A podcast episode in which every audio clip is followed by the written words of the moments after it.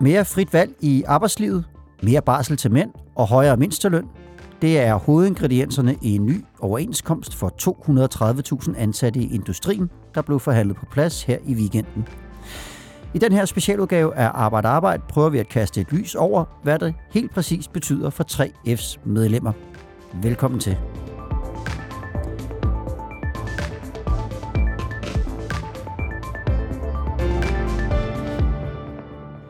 Jeg hedder Morten Olsen, og jeg er som sædvanligt din vært, og jeg har gæster i studiet. Det er Peter Keiding, der har dækket overenskomstforhandlingerne for Fagbladet 3F. Velkommen til dig. Jo, tak. Og så er det arbejdsmarkedsforsker fra Københavns Universitet, Søren Kai Andersen. Velkommen til dig også. Tak. Og allerførst, sådan helt overordnet, hvordan er den her overenskomst øh, for lønmodtagerne? Kan de være tilfredse?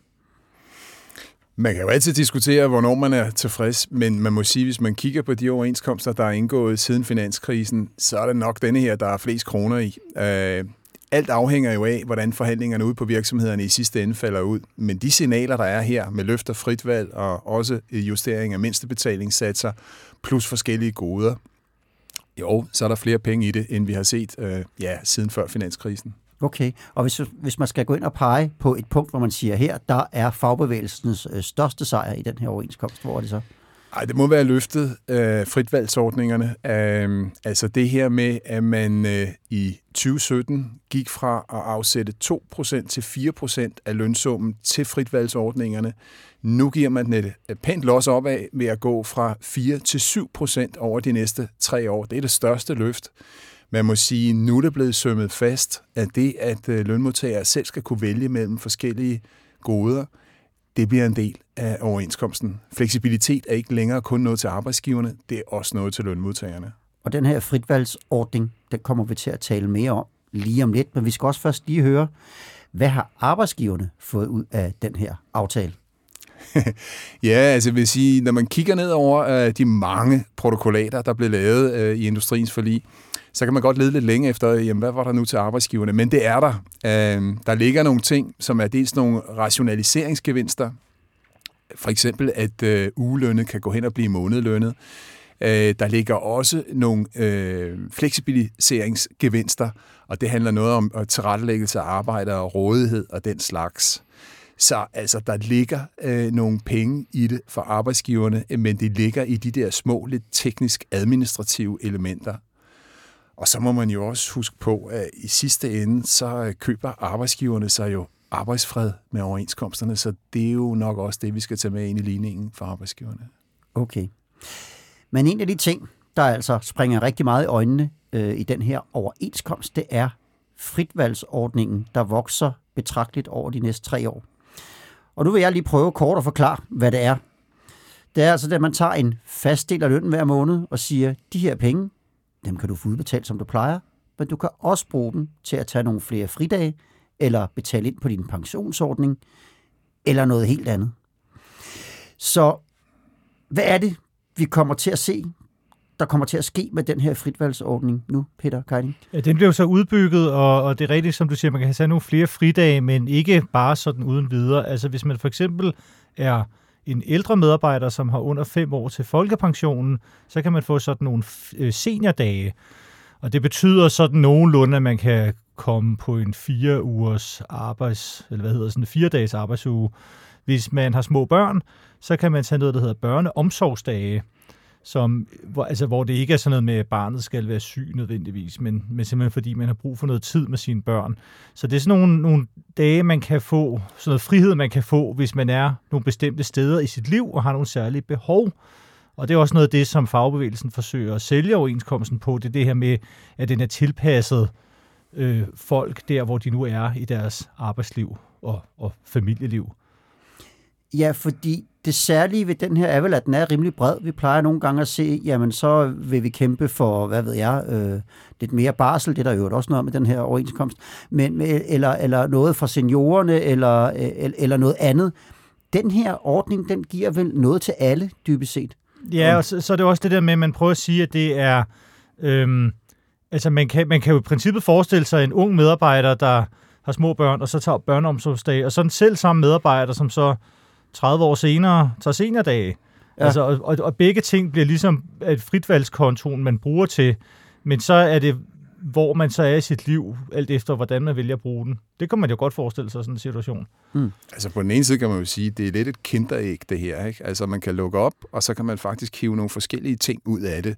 Øh, der er lidt forskelligt, øh, alt efter hvor man er i livet. Det, jeg tror, der også ligger i det her, det kan man jo også fornemme lidt på noget af det, øh, de har øh, puttet ind i aftalen, som de nu har indgået, det er, at øh, man skal have noget informationsarbejde omkring det her, og man skal gøre sine medarbejdere, sine medlemmer, opmærksom på at tydeliggøre, hvad er det egentlig, der ligger i det her. For der er jo lagt op til, at man tænker lidt strategisk over sit eget liv. Altså det kan jo være meget rart at sige, jamen jeg skal bare prøve at få alt det her hævet ud af det, som jeg nu kan, så vi kan få nogle gode lange ferier. Men der kan jo netop være noget perspektiv i, for eksempel at spare op øh, til pension eller til nogle seniordage. Og der nytter det jo ikke noget, at man starter, når man er fyldt 58. Man skal nok starte lidt før. Ikke? Så hver enkelt skal sådan set lære at tænke lidt strategisk i forhold til det her. Over sit eget arbejdsliv. Yeah. Og, og ikke kun for de næste to år, men, men for faktisk yeah. al, al år frem ja, til pensionen. Ja. Der er et pædagogisk projekt med her. Mm. Men det ligner jo lidt, at man giver den fritvalgsordning her, så stort et løft, øh, det, det ligner, det ser for mig ud som om, at der sker en form for, for skifte i den måde, vi indretter arbejdsmarkedet på, eller er ved at ske det i hvert fald med, med, med sådan en fritvalgsordning her. Jeg ved ikke, om det er arbejdsmarkedet som sådan. Altså, jeg tror mere det er at sige, jamen nu har vi ligesom haft kollektive overenskomster i 120 år, hvor det har været helt afgørende, at alle får de samme goder. Men nu er vi kommet derhen, hvor man siger, well, vi er i forskellige faser af livet, hvor det er forskellige goder, der faktisk er relevante for os. Hvorfor ikke få noget, hvor vi fleksibelt kan trække det ud, der har en særlig betydning for os? Og det tror jeg virkelig, at det, der nu bliver sømmet fast, at det er noget, der skal kendetegne fremtidens overenskomst. At der faktisk er nogle individuelle muligheder i en kollektiv aftale. Men det, det er vel også sådan en, for det er jo rent nok, som Søren siger, de kollektive øh, Øh, aftaler, det er jo sådan fundamentet i, overens, i overenskomsterne, kan man sige. Det her med, at arbejderne står sammen, og når de står sammen og er en gruppe, så kan de få nogle bedre vilkår. Og så ligger der jo også i det, at det ligesom er de samme vilkår, de får. Og der kan man sige, der har, det har man jo efterhånden vendet sig til at have nogle solide overenskomster.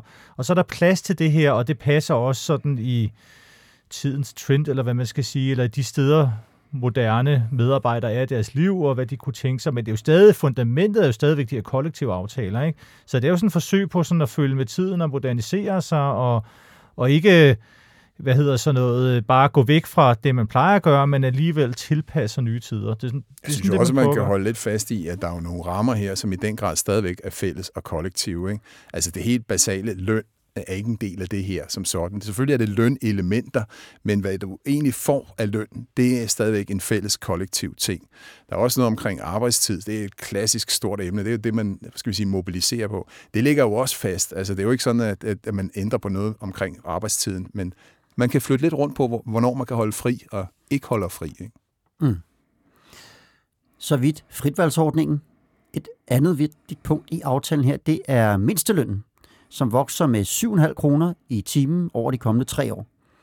Jeg har lige lavet sådan en øh, hurtig kuglerammeudregning, inden vi gik i studiet. Og hvis man ganger det op øh, med en arbejdsmåned på 160 timer, så er det 1200 kroner om måneden. Hvem er det, der får glæde af sådan en lønstigning, hvis vi kan kalde den det? Jamen altså umiddelbart, så skal man jo huske på, at det her det er mindste betalingssatsen i industriens overenskomster. Det vil sige, der er ikke nogen, der kan få en lavere løn end denne her sats. Uh, den bliver jo så løftet med de penge, og det er dem, den umiddelbart berører, og sådan set ikke flere end dem principielt. Det, det, det er jo ikke særlig mange. Altså det er, Nej. vi har, vi har øh, fået nogle tal fra DI, der, og de siger, at der er 1-2 procent af dem, som øh, er på industriens overenskomst, som er på den her mindste betalingssats. Mm. Så, så det er jo ikke på den måde, det er jo ikke direkte særlig mange, det berører. Det, det har så nogle andre betydninger, ikke? Men direkte lønstigninger, har det ikke, øh, der er det ikke en stor konsekvens, kan man sige. Jeg kan sige, det, der er det afgørende her, det er, at mindstebetalingssystemet betyder, at man forhandler lønnen ude på virksomheden. Så det er det princip, der er det styrende her. Og det, der så ligger i mindste betalingssatserne, det er jo et, et lille signal om, hvordan man egentlig vurderer økonomien for de kommende år. Uh, fordi det er jo ikke den samme sats hver gang. Det mm. varierer lidt fra overenskomst til overenskomst, hvor meget man justerer den op. Men igen, det er kun for de lavest lønnede, det her. Mm. Men kan vi så sige, at, at det er en pæn lønstigning, som, som, hvor, hvor vi ligesom kan læse ud af den, at ja, der, der er lidt i godteposen, eller er det sådan lidt mere sparsom lønstigning, vi ser her i forhold til Jo, men der er jo et lille signal om, at øh, det går faktisk meget godt i øjeblikket. Ikke? Mm. Altså, øh, sidste gang, der valgte man at, at løfte den øh, to kroner om året. Nu er vi oppe på to og en halv om året øh, og længere tilbage i kriseårene efter øh, finanskrisen. Jeg, nu kan jeg ikke huske de konkrete tal, men de lå faktisk lavere men det, det, er den, høj, det er den højeste stigning siden før finanskrisen. Jeg tror siden ja. 2007. Ja. Så på den måde er det jo sådan meget pænt, kan man sige. Det sender jo også et signal, for det, der har været en stor diskussion op til øh, de her overenskomstforhandlinger, om er, altså, hvor arbejdsgiverne har sagt, men, øh, vi, øh, der er mørke skyer i horisonten, og vi skal holde igen, og opsvinget bremser op osv. Og, og øh, fagbevægelsen har sagt, at vi er i en højkonjunktur, og den er vi stadigvæk i, og det går stadig rigtig godt, og der er stadig lille arbejdsløshed osv. Og, og så har man sådan, øh, når man, hvor ligger man så så henne, hvordan ser man verden, og hvordan, hvor, hvor ender vi hen? Og der kan man jo godt sige, at det, her, det er et signal om, at øh, det går egentlig okay, siden, altså eftersom det er den største stigning siden før finanskrisen. Mm. Sådan kan man jo godt fortolke det. Mm. Jeg tror faktisk også, at Lars Sandal Sørensen, den administrerende direktør for DI, han snakkede jo om, at det går fint, og så tror jeg, han sagde godt for danske virksomheder. Ikke? Altså, ja, ja. Bundlinjen er, at, at, at det er ikke skidt i dag. Og samtidig så skal vi jo så også huske, at vi netop har det her fleksible lønsystem på mindste betalingsområde. Ikke? Så viser det sig i 22, at øh, det går altså ikke særlig godt, øh, jamen så kan man godt øh, skrue lidt ned for bluset i de lokale forhandlinger nu. Det kommer til at ske, det har vi set før. Ikke? Så der er også en tilpasning i det. Ikke? Mm. Men det var så øh, mindstelønsordningen, hvor I siger, at det er kun 1-2 procent, der i virkeligheden får den her mindsteløn. Hvis jeg nu så sidder som 3F'er med, med, med en løn, der ligger noget over mindstelønnen, hvad, hvad, hvad er der så til mig om noget overhovedet i den her overenskomst? Altså, hvad, hvad, hvad er det, jeg skal, skal, skal hænge min hat på nu? Jo, men det er jo den lokale forhandling om løn. Den er vigtig, øh, og der er det vigtigt, at man øh, får fat i, hvordan det går for den enkelte virksomhed. Hiver øh, aktionærerne penge øh, i lommen, eller går det den anden vej, og ordretilgangen svigter? Øh, det er det vigtige. Det er det helt principielle argument. Det vi så også ved, det er jo, at for mange kan det være svært at overskue præcis, hvor fan er vi egentlig henne i dag. Og man vil nok kigge lidt rundt på øh, ja, det lokale, regionale arbejdsmarked og se, hvordan reagerer de andre virksomheder, snakke med tillidsrepræsentant kollegaerne rundt omkring. Og man skæver måske også lidt til, øh, hvordan er det nu lige med den der mindste betalingssats? Er vi oppe i den lidt højere? Jamen, det er vi jo egentlig i denne her omgang. Men det er virksomhedens situation, der er afgørende for den forhandling. Mm. Det her, det var jo den første i en lang række forhandlinger, der blev færdige. Jeg ved, vi skal kigge lidt frem mod, i hvert fald når vi taler om løn, så er det næste, vi skal holde øje på, det er transportgruppens øh, overenskomstforhandlinger. Hvad, hvorfor er det, den er vigtig? Det er fordi, det er det, man kalder gennembrudsforlidet på normallønsområdet. Og hvad er så normallønsområdet? Jo, det er øh, det, de overenskomster, hvor lønnen bliver fastsat centralt. Og det er fordi, øh, hvis man er det giver ikke så meget mening, at den ene taxichauffør skal have så meget løn, og den anden skal have så meget løn, eller lastbilchauffør, eller buschauffør. Eller, altså det giver jo mening, at man har en eller anden fast løn, øh, i højere grad, end det gør inden for industrien, hvor der er ret stor forskel på et øh, slagteri øh, og Novo Nordisk og så videre. Så, så det er normallønsområdet, og det sætter så rammen for andre overenskomster på normallønsområdet.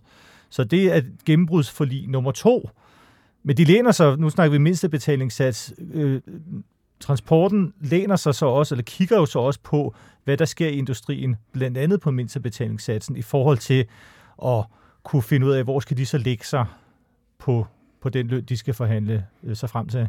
Mm så kan vi kalde øh, det her, den her mindsteløn et lille pejlemærke af, hvor det kommer til at gå hen med. med oh, men det er det jo, og, og der er ingen tvivl om, altså nu har vi jo øh, dansk industri på arbejdsgiversiden, både på mindstebetalingsområdet med CO-industri og på normalom lønsområdet med øh, 3F Transportgruppe.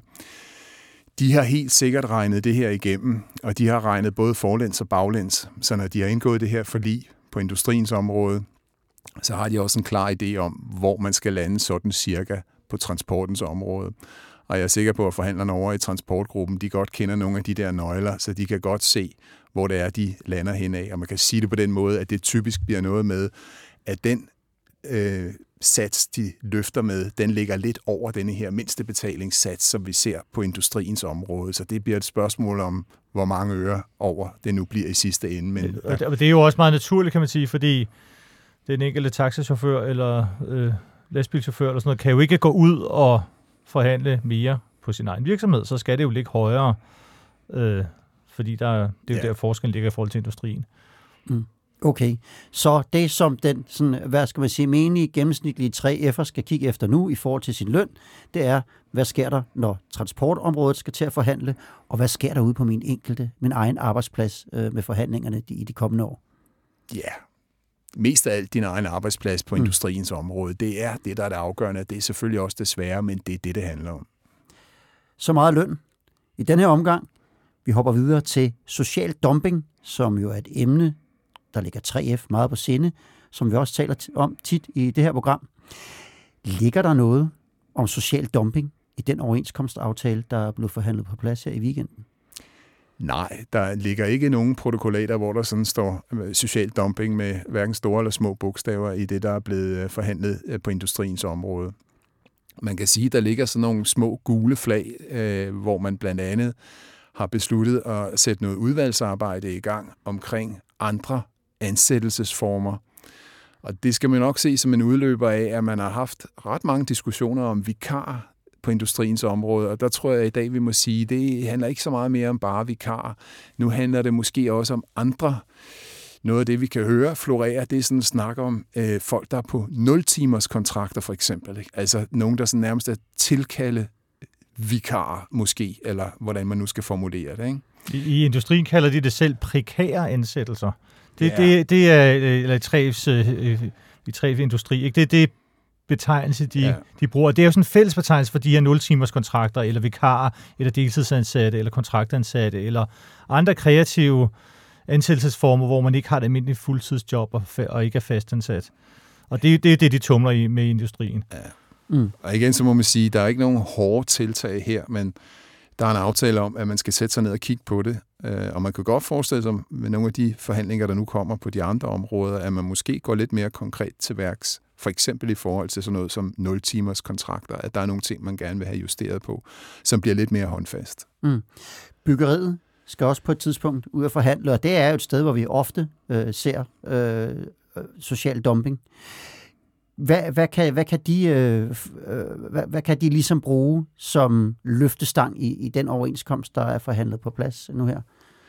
Ja, man kan jo sige, at vi har jo hørt øh, repræsentanter fra 3F's byggegruppe snakke om, og også øh, ude i baglandet i byggeriet, der snakker man meget om, at man vil gerne have løftet mindstebetalingen.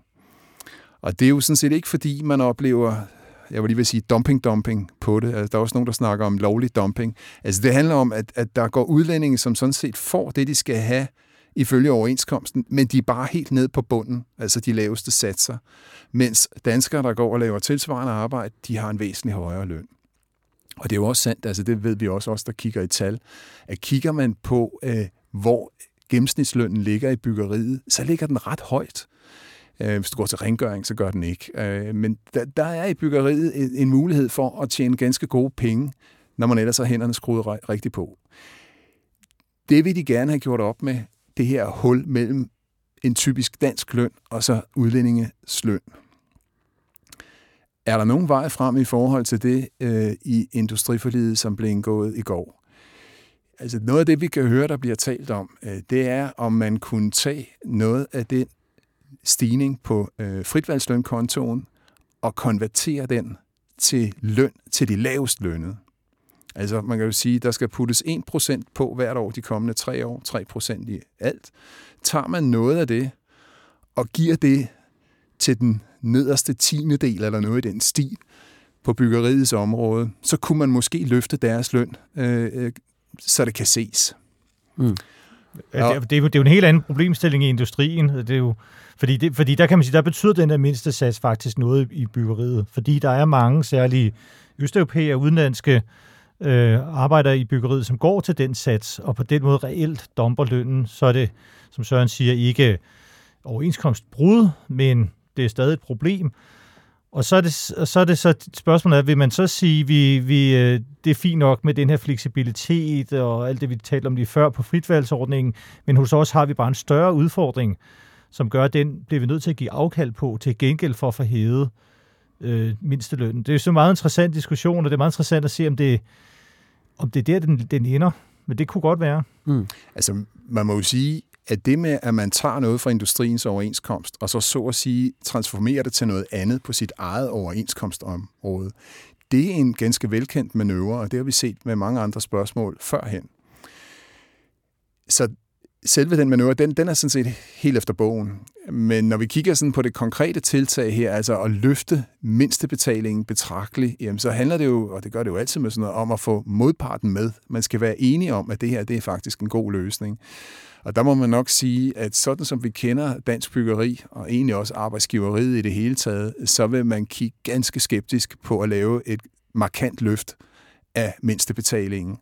Altså, der bliver snakket både om 20 og om 30 kroner. Ikke? Altså, lad os bare sige, at man kommer op på en 145-50 kroner som øh, mindste betaling. Ikke? Det vil man helt givet hos arbejdsgiverne opleve som en, en meget kraftig forandring, og øh, diskussioner om, hvorvidt det her kan smitte af, dels på andre lønninger i byggeriet, men dels også på mindstebetalingssatser i andre brancher osv. Ja, det, det vil jeg formode er noget af det, de kommer til at sidde og snakke ganske meget om i byggeriets forhandlinger. Mm. Så vi kan i hvert fald forestille os, at der kommer en debat til de forhandlinger om, hvorvidt at man skal konvertere noget af den her fleksibilitet til en højere mindsteløn. Ja, frit valg, ikke? Altså, ja, ja, frit, ja, frit Yes. Ja, ja, og det er jo, det er jo i lang tid har det jo været højt på dagsordenen med byggeriet at gøre noget med social dumping, og de har jo, mm. forsøger jo forskellige ting. Det her med kædeansvar har jo også været højt på dagsordenen. Mm. Det her med, hvis man har en entreprenør, der har en underleverandør, som måske igen har en underleverandør, om de så, hvordan man kan sikre, at de så ikke dumper lønnen osv. osv. Så det er jo, det er jo, det er jo et nyt forsøg på at gøre noget ved social dumping, øh, mm. og hvis det ikke lykkes, så forsøger man sikkert noget andet. Altså det er mm. fordi problemet er stort, og man vil jo gerne gøre et eller andet ved det fra fagbevægelsens side. Mm. Så det har i hvert fald bevågenhed. Ja. Og så, jeg synes også, vi skal tilføje, ja, problemet, der er ingen tvivl om, at der er noget rigtigt i, at udlændingen går på øh, en lavere løn. Ikke? Altså, må jeg sige, arbejdsgiverne vil helt givet også øh, komme med spørgsmål omkring, well, er der både gode og dårlige argumenter for det. Altså, nogen vil jo hæve det, jamen, der er noget omkring, at det, det har nogle særlige omkostninger for de her udlændinge ind. Det kan også være, at de ikke helt er så produktive som danskere, de arbejder lidt anderledes osv., ikke? Det er bare for at sige, det er jo ikke sådan helt lige til, altså, hvorfor er det egentlig, de får den løn? Øh, det er igen også noget, der, der peger på, at det her det bliver ikke nogen helt nem snak øh, mm. inden for byggeriets område. Men det er givetvis en snak, vi vender tilbage til, når vi når så langt i, i overenskomstforhandlingerne. Vi skal lige nå at runde en enkelt ting her til sidst, fordi øh, der er også kommet mere øremærket barsel til mænd, eller den anden partner, som det hedder i teksten. De får tre ugers ekstra lønnet barsel, som bliver lagt oven i den samlede pulje. Det vil sige, at et forældrepar, der før fik 13 ugers barsel med fuld løn, nu har mulighed for at tage 16 uger i alt, hvis det altså er manden, der tager de sidste tre. Hvorfor har man lavet sådan en ordning her? Det har jo været, ja, det, det er jo en, en spøjs øh, historie, øh, der ligger bag det her, fordi i mange år var det faktisk et øh, centralt, eller sådan en kernepolitik fra, fra fagbevægelsens side, og noget, man, man gerne ville have, have gjort noget ved, og, og, og så øh, Øh, gik man sådan bort fra det på et tidspunkt, og så kom og EU med, med et øh, direktiv, øh, som gør, at man skal have noget mere øremærket barsel. Og så kommer øh, arbejdsgiveren ud, Lars Sandal Sørensen, der er administrerende direktør i DI, var ude her øh, i december måned og foreslog mere øremærket barsel til fædrene. Og hans øh, hovedargument, det er, at øh, man skal have flere kvindelige ledere, og man skal øh, gøre lettere for kvinder at gøre karriere, og det i sidste ende gavner virksomhederne og så videre, så videre. Øhm, så det er sådan noget, der er båret ind til forhandlingsbordet fra arbejdsgivernes side, og så øh, er der så foregået noget i forhandlingerne, og nu er det i hvert fald noget, som fagbevægelsen også øh, er ude og sige, at de er meget glade for. Så, Så, så, så det er ligesom den vej rundt, og, men, men hovedargumentet fra, fra arbejdsgiverens side, det er det her med, med flere kvindelige ledere. Mm. Ja, jeg tror, vi skal jo holde fast i udgangspunktet, så var jo det her noget, som vi har svært ved at håndtere, fordi vi bryder os ikke rigtig om, at der kommer sådan noget direktiv, der siger, at det skal være sådan her. Og altså i det her tilfælde, altså øremærket barsel til mænd. Øh, vi øh, har det som tradition her, at der bliver forhandlet mellem parterne, og så kan man overenskomstmæssigt finde ud af, hvordan man vil gøre det, og hvilken muligheder for valg man vil give henholdsvis mødre ja, og fædre. Ikke? Det er selvfølgelig også det, det kommer på baggrund af, at, det, at der kommer det her direktiv, som så betyder, at altså EU-direktiv, det er jo så en form for lovgivning, det er jo, det er som, skal, opgave, som er pålagt opgave, som skal implementeres i løbet i den danske lovgivning i løbet af de næste par år. Og den siger, at man skal have øremærket to måneder, mener jeg det er, ikke, til fædre. Ja. Og så, men det siger jo ikke noget om lønnen. Jeg siger ikke noget om, hvordan det er finansieret, og det er jo så det, som man går ind her i overenskomsten og beslutter noget om, hvor meget kan man få med fuld løn, og hvor meget skal man så have på barselsdagpenge, hedder det vist ikke. Så, så på den måde ligger det sig jo fint i kølvandet af direktivet, øh, og, og, og der er sådan en, en fin sammenhæng den vej rundt, kan man sige. Så i udgangspunktet en tvungen opgave, ikke? men jeg tror også måske, vi skal læse det her som, at måske lidt underligt, at arbejdsgiverne kom på banen Brian Mikkelsen, administrerende direktør ja, i Dansk ja. Erhverv, han var der også, ikke? Ja, han var ude her for nylig, Så ja. der, der er mange nytilkommende feminister. Men øh, dybest set, så er det jo igen en bunden opgave, og, og der tror jeg jo også, at fagbevægelsen jo trods alt også tænker sådan, well, det er jo sandt, at når vi kigger på det danske arbejdsmarked, så har vi nogle udfordringer i forhold til at sikre, at blandt andet øh, vi har lige så mange kvindelige, eller noget, der ligner øh, lige så mange kvindelige ledere, som mandlige ledere i det private erhvervsliv. Der er vi slet, slet ikke. Øh, vi har også en, en løbende debat om, hvem sidder i bestyrelserne. Og ja, også på andre dimensioner, øh, en kønsmæssig debat, løn ikke mindst, og vi har sådan set også, hvad angår, hvordan vi arbejder et, et kønsopdelt arbejdsmarked et godt stykke hen ad vejen.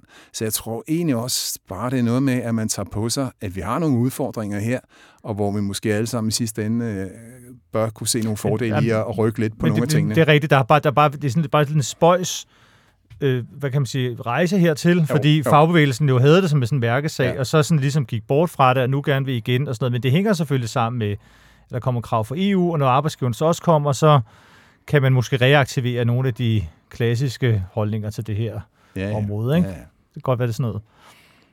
Og med det, der vil vi slutte den her udsendelse. Det var den første store knast i overenskomstforhandlingerne. Vi har allerede været inde på det. Øh, den næste vigtige punkt i forhandlingerne, vi kan se frem til, hvad bliver det? Ja, om transporten skal forhandle nu øh, gennembrudsforlig på normallønsområdet, så det bliver den næste, der bliver interessant at se, om de kan få den landet ordentligt og fornuftigt. Og det vil vi så se frem til. Vi kommer tilbage helt sikkert med flere podcast om overenskomst. Hvis du vil vide mere om den overenskomst, der lige er blevet forhandlet på plads, så gå ind på fagbladet3f.dk, hvor der sidder gode folk og prøver at give svar på nogle af alle de spørgsmål, der er til overenskomsten. Det her, det var lidt en ekstra udsendelse, for vi troede i sidste udgave med en vinterferie. Den prøver vi at holde nu. Vi er tilbage fredag den 21. februar. Eller hvis der skulle komme afgørende nyt i OK-forhandlingerne, det tror vi nu ikke, der gør sådan lige her de næste par dage. Tak fordi I lyttede med derude, og tak til dig, Søren Kai Andersen, fordi du var med her. Selv tak. Og tak til dig, Peter Keiding. Ja, selv tak.